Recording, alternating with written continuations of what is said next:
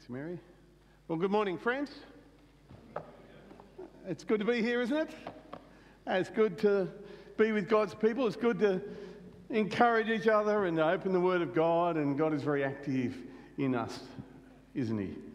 Well, we're continuing our series in looking at the last night of uh, Jesus' life before he was crucified.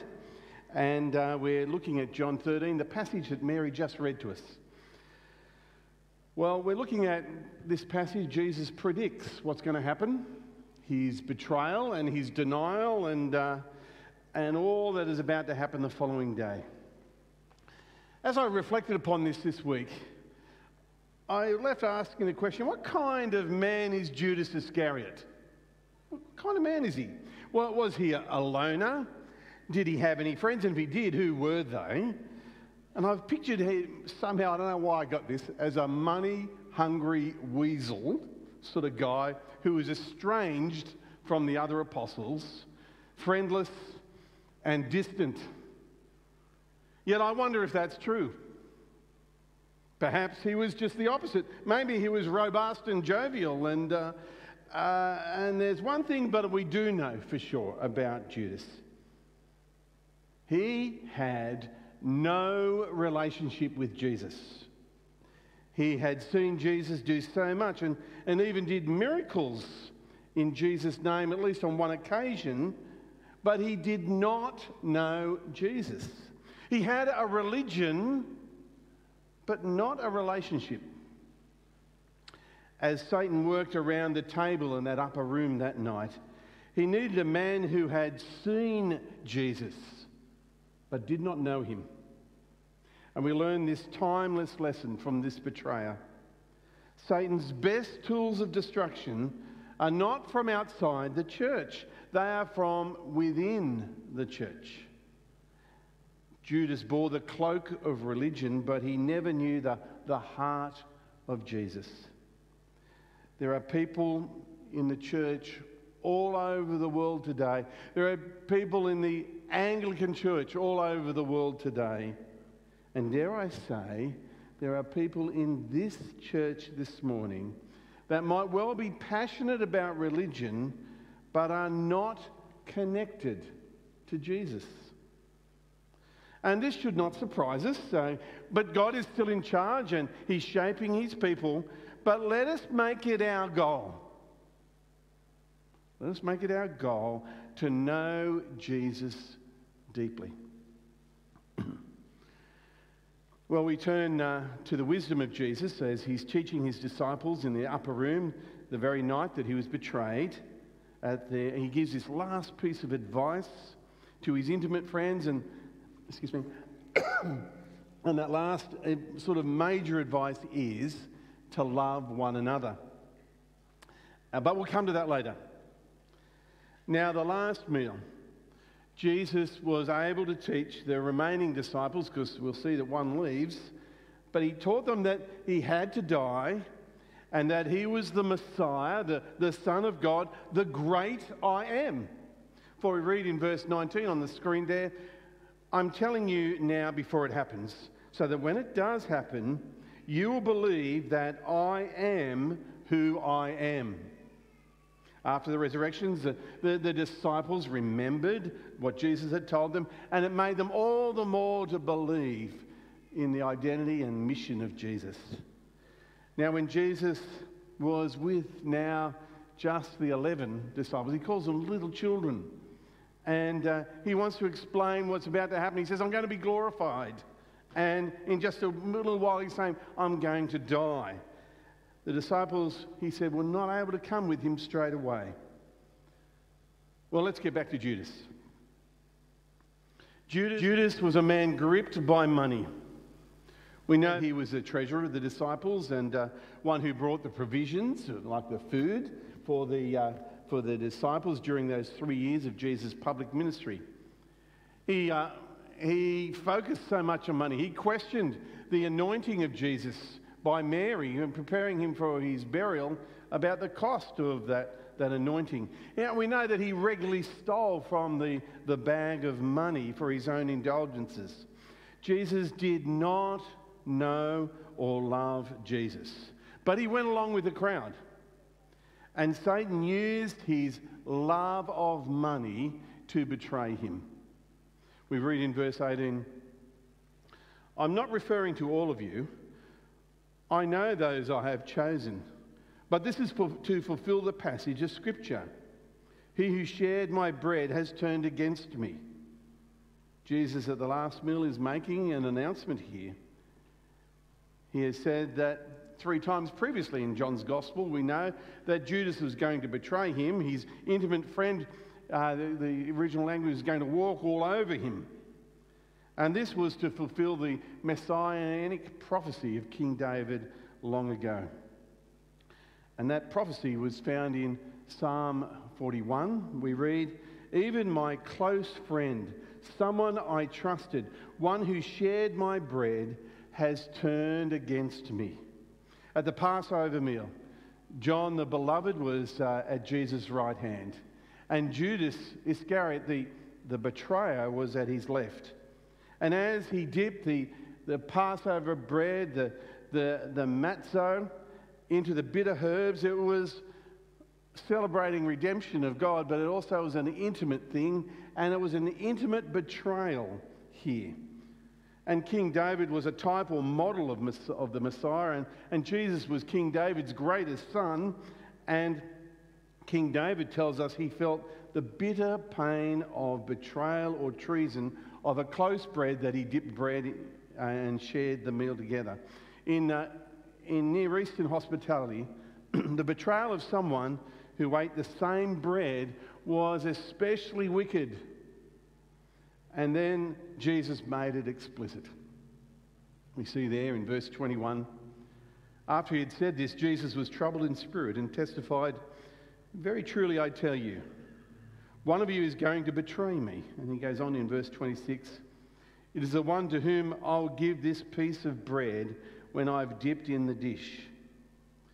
Then, dipping the piece of bread, he gave it to Judas, the son of Simon Iscariot in that upper room announcement, what he just said brought stunning silence. People, the disciples were perplexed and troubled, and they didn't know what to say or do, and they had questions. They were clueless that Judas was uh, what he was doing at the time, and they assumed that you know he was he was a treasurer, he was going to buy some food or give money to the poor or whatever.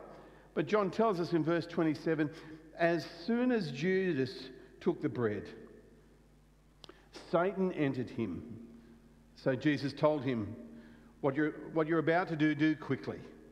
And as soon as uh, Judas had taken the bread, he went out, and it was night. Now, Judas knew that Jesus knew what he was doing. He had two choices. Two choices. He could run out and betray Jesus or the second choice, he could have repented straight away and renounced the plot and begged Jesus for forgiveness. We, uh, we never need to say that Judas was forced to be a traitor.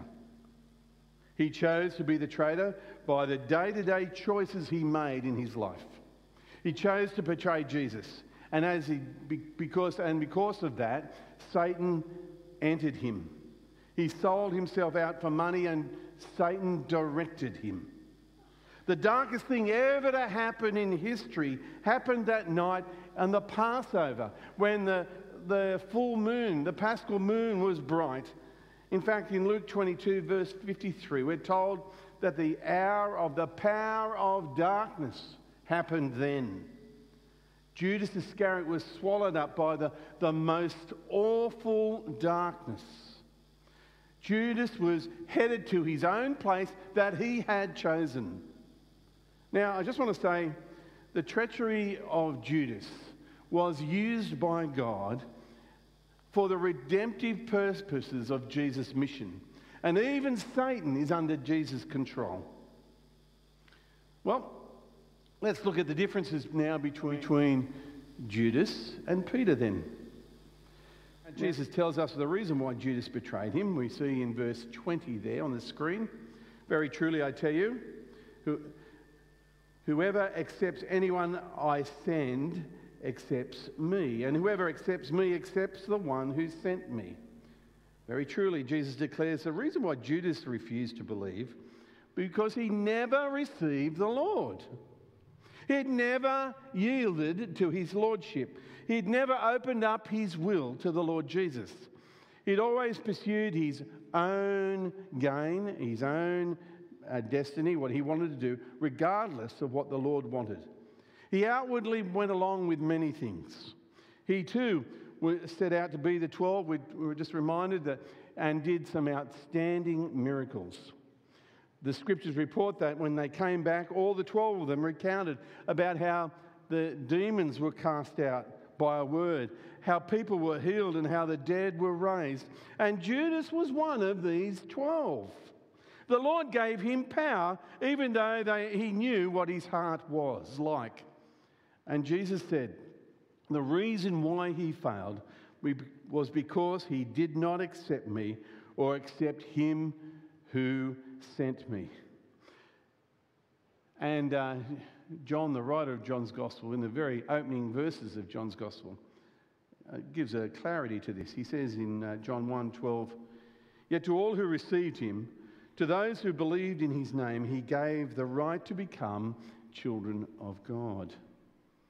So it's possible to be a member of church. It's, a, it's possible to, to be visibly a disciple of Christ. It's possible that other Christians might look at someone and say, yes, they're Christians. And yet they do not have the heart to respond or surrender to the will of God. This is the case with Judas. That is the problem. Judas insistently refused the help that Jesus offered and he insistently refused to open his life to Jesus and surrender his will to him. Well,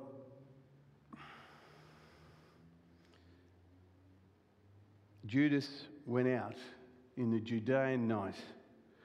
John refers into the darkness as an inference there of a satanic gloom that he went out. The gift of love that Jesus came to give can never help those who persistently refuse him. And this is one of the reasons why many people who call themselves Christians, who regard themselves as such, but cannot show the love of God because they do not, and they're not connected to God. This was, this was Judas. How about Peter? We get this story at the end of the chapter. Apparently, Peter uh, never heard what uh, Jesus was saying. He was on the other side of the table. Uh, so there was Jesus, and then there was, uh, depending how we're looking at it, on the right hand side was John, on the left hand side was Judas Iscariot. But for Peter, he was on the other side of the table. He wasn't catching all the conversation. All he heard was, Yet a little while I am with you. You'll seek me, and, and I said to the Jews, Now so to say to you, I'm going where you cannot come. And like a schoolboy, Peter asked his mate, Hey, can you ask Jesus um, where you're going? I'm always amazed at the patience of Jesus. Peter, when are you going to get it? I've told you dozens of times, haven't I? Where I'm going? I'm going to the cross. I'm going to a tomb. I'm going home to the Father in heaven. But somehow Peter never heard. Jesus, you notice, does not rebuke Peter, not for saying, um, Where are you going? but why can't I go with you? You know, he never says that. And uh, have you ever had your children or grandchildren ask you, Why can't I go with you, Daddy? Why can't I go with you? That was Peter's real question. And Jesus answers, You cannot follow me now, but you will follow me later. It was a long time afterward, probably 30 years or more before Peter, then an old man imprisoned in Rome, was let out according to tradition account to, and was condemned to be crucified. So moved was he by the fact that he would share the, the manner of his Lord's death. He insisted that he be crucified upside down. And thus, the, the words of Jesus were literally fulfilled. You cannot follow me now, but you will follow me later. And then Jesus told them the mission he was on. And his mission could be theirs. And they would ultimately, if they did that, they, if they did this mission, there would be no doubt about, even if they betrayed, denied, or let Jesus down, and the mission or the new commission or the new commandment, he says, is actually based on the Ten Commandments we know. But he says it's a new one because it has a new standard to love. He says, Love as I have loved you.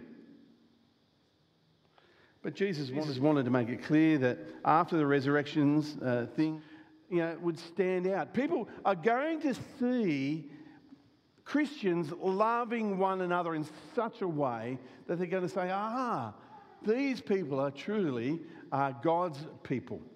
And they're going to stand out. And so Jesus says in verse 34 A new command I give you love one another as I have loved you. So you must love one another. By this, everyone will know that you are my disciples if you love one another. And this is the difference between Judas's betrayal and Peter's denial. Judas was sorry for what he had done, but Peter was repentant and was commissioned by Jesus. Remember on the, the Galilean shores after the resurrection? Remember Jesus recommissioned Peter by asking him three times, Peter, do you love me? Let me grab one of those three uh, occasions. In verse 16 of John 21, again Jesus said, Simon, son of John, do you love me? He answered, Yes, Lord, you know that I love you. Jesus said, Take care of my sheep. Friends, love is the key. Love is the difference between Judas and Peter. Loving Jesus and loving others is the litmus test of whether you are a child of God. Judas did neither. Despite his failings, Peter did fail, but Peter loved Jesus and he, he cared for God and he cared for God's people, the sheep, we, we know. Yes, his life was uh, uh, connected to Jesus and he loved. Friends, the way we love one another, if we love God, is the difference between Judas and Peter. Our love should be expressed in deeds, not just words. It, it will not just merely talking about love or singing, singing songs about love, but by actively showing and doing love.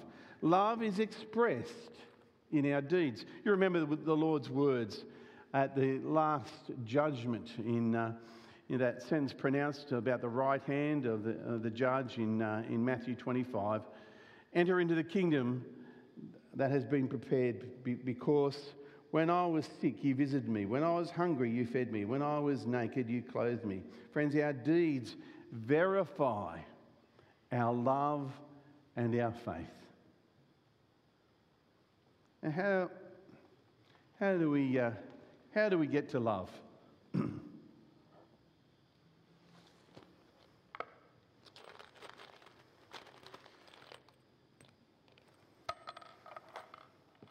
well, we know that a magnet is something that draws things to itself. And if I was to leave this magnet on these nails for a period of time, in time, these nails themselves would have some measure of magnetism in themselves the magnetism would be transferred, or so to speak, in the steel. That's a bit like what it is for us. It's an example of if we stay close to Jesus, then we'll be like Jesus and uh, we won't be looking anywhere else. There's a beautiful old song we used to sing 20 years ago in church Turn your eyes upon Jesus. Look full in his wonderful face, and the things of earth will grow strangely dim in the light of his glory and grace. This is what the Lord's teaching is. Is those who enjoy to love, to rely on it. Those who remember the fact that, that they don't deserve God's love or they have not earned it, but they have it anyway. Those are the ones who have been magnetized. And others are able to see it. That kind of dramatic, life changing love is Christian love that only God can give. Not everyone who calls themselves Christians displays that Christian love. But millions of people today and down through the ages have experienced the love of God and have had their lives dramatically changed. Rather than hard, arrogant, proud, contemptuous people, they've become softened and loving people. Rather than angry and violent and harmful people who strike back when someone comes into their path, they are tender, loving, gentle people, changed by the love of Christ. Friends, when we draw near to Christ, when we love Him, we are drawn to Him, yes, but other people will see the love of God to, uh, in us. And that is what Jesus means by, as I have loved you, so you must love one another. Let's pray. Our Lord and God, we've been reminded here this morning that submitting to you, loving you, is the most important thing in the whole world. And we pray that your Holy Spirit will help us in loving you and loving others, that we will be magnetized by your love. So we ask in your mercy this morning you would bless this church as we grow in love and service for you. And we pray all this in Jesus' name. Amen.